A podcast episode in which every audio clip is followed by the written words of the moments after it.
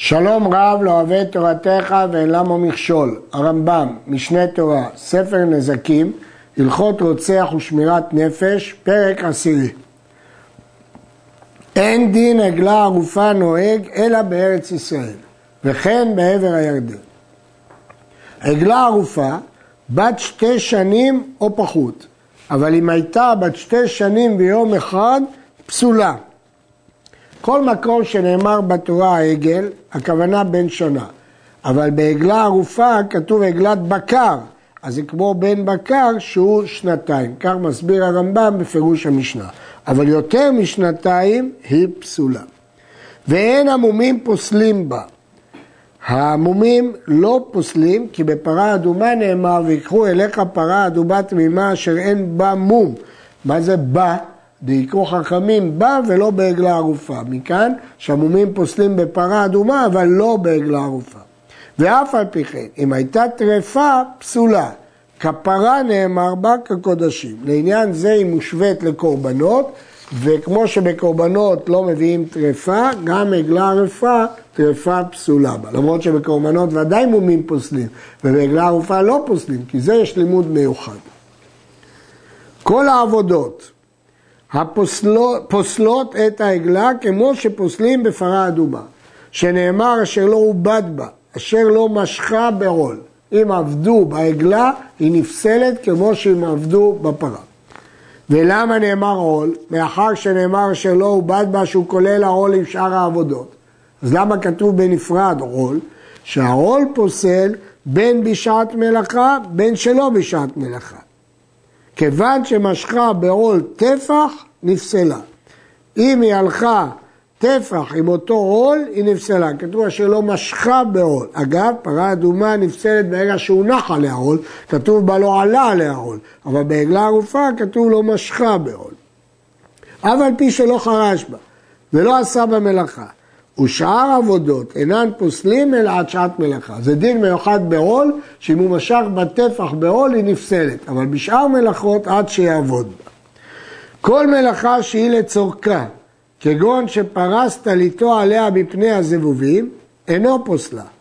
אם המלאכה מטרתה להגן עליה, היא לא פוסלת אותה. וכל שהוא שלא לצורכה, כגון שפרס טליתו עליה לנושאה, פסולה. וכן כל כיוצא בזה, כמו שביארנו בהלכות פרה אדומה.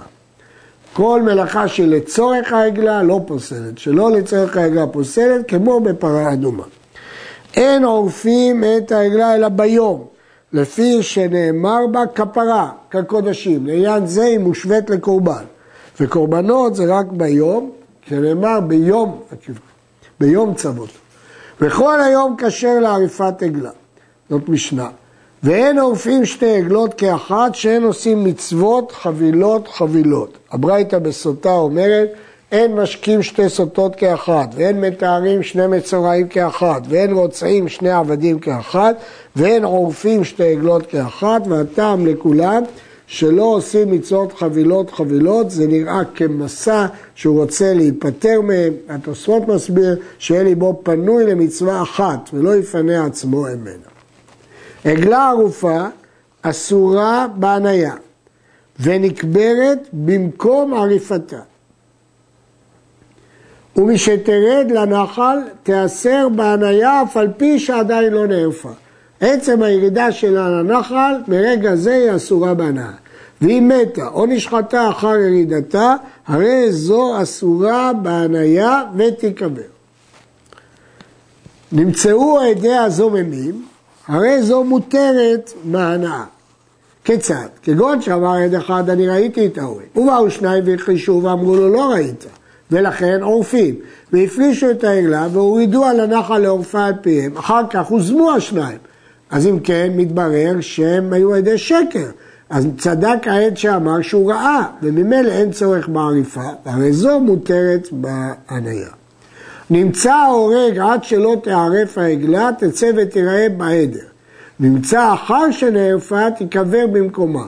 שעל הספק באה מתחילתה, כיפרה ספקה והלכה לה. למרות שעכשיו מצאו את ההורג, קוברים אותה.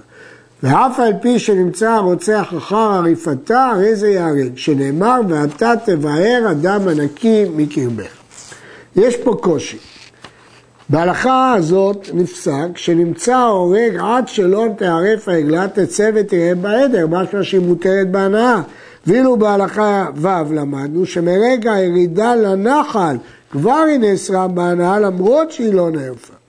הרשב"א בשו"ת תשובות, הרשב"א לא מצא פתרון לסתירה הזאת. כסף משנה מציע יישוב.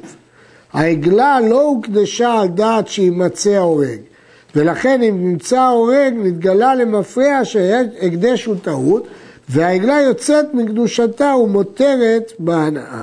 כך מפרש הכסף משנה. הנחל שנערפה בו העגלה אסור בזריעה ועבודה לעולם, שנאמר אשר לא יעבד בו ולא יזרע. וכל העובד שם עבודה בגופה של קרקע, כגון שחרש או חפר או זרע או נטע כיוצא באלו, לוקה. אם כן, כל הנחל נאסר בעבודה בגופה של קרקע. לשון המשנה הוא מקומה אסור מלזרוע ולעבוד. הירושלמי הביא מחלוקת לתנא קמא 400, לרבי 50 אמה, אבל קשה, מדוע הרמב"ם פוסק שכל הנחל נאסר? אמנם זה פשט הכתוב, אין נחל נתן אשר לא יעבד בו ולא יזרע, אבל הירושלמי מביא דעות כמה נאסר. בספר יד פשוטה מציע שהרמב"ם מבין שאין שיעור קבוע לכל הנחלים, שהרי לא כל הנחלים שווים, והשיעורים ששיערו לפי המציאות. יש ששיערו 400 ויש ששיערו עד 50 אמה. ומותר לסרוג שם פשתן ולנקר שם אבנים, שזה כמי שהרג שם בגד או תפרו, שאינה מלאכה בגוף הקרקע, זה לא שייך לגוף הקרקע, התורה רק אסרה עבודה בקרקע. לכך נאמר, לא יעבד בו ולא יזרע, מה זריעה בגופה של קרקע? כל עבודה שנאסרה שם אינה אלא בגופה של קרקע. אחרי שהתורה אמרה לא יעבד, בשביל מה היא צריכה להביא דוגמה של זריעה? כי היא רוצה להגיד, הדוגמה הזאת מלמדת על הכלל, שאיזה עבודה אסורה? רק עבודה בגופה של קרקע כמו זריעה. הגמרא בסוטה מביאה הסבר לאיסור העבודה בנחל. פני מה אמרה תורה? הווה עגלה בנחל, אמר הקדוש ברוך הוא, יבוא דבר שלא עשה פירות, ויערב במקום שאינו עושה פירות, ויכפר על מי שלא הניחו לעשות פירות, כלומר מצוות. הרמב"ם במורה נבוכים מביא טעם אה, מעשי, תועלת עגלה ערופה, כפי שכבר אמרנו, גילוי ההורג. ולחיזוק עניין זה שהמקום אשר תערב בו העגלה לא יעבד בו ולא יזרע לעולם. והרי בעל אותה קרקע יחפש כל מיני עצות שיוודע מי ההורג, כדי שלא תערף העגלה ולא תיאסר אדמתו זו לעולם. מי שנמצא הרוג בקרקעות דואג שאם יערפו שם עגלה, קרקע שלא תיאסר, ולכן הוא יעשה מאמצים רבים לזהות את ההורג, וזו מטרת האיסור. אנשי עיר קרובה שנתאחרו ולא הביאו עגלה ערופה, כופין אותה ומביאים ואפילו אחר כמה שנים. שחלבי העגלה ערופה שעבר עליהם יום הכיפורים, חייבים להביא לאחר יום הכיפורים. ובכן ההלכה שמחייבים, ממשכנים על עגלה ערופה, למרות שבדרך כלל חייבי חטאות לא ממשכנים אותם, כי לא חוששים שהם יפשעו, אבל כאן בעגלה ערופה כן חייבו אותם. הגמרא לומדת שיום הכיפורים לא מכפר על עגלה ערופה והם חייבים להביא אחרי יום הכיפורים. עד כאן.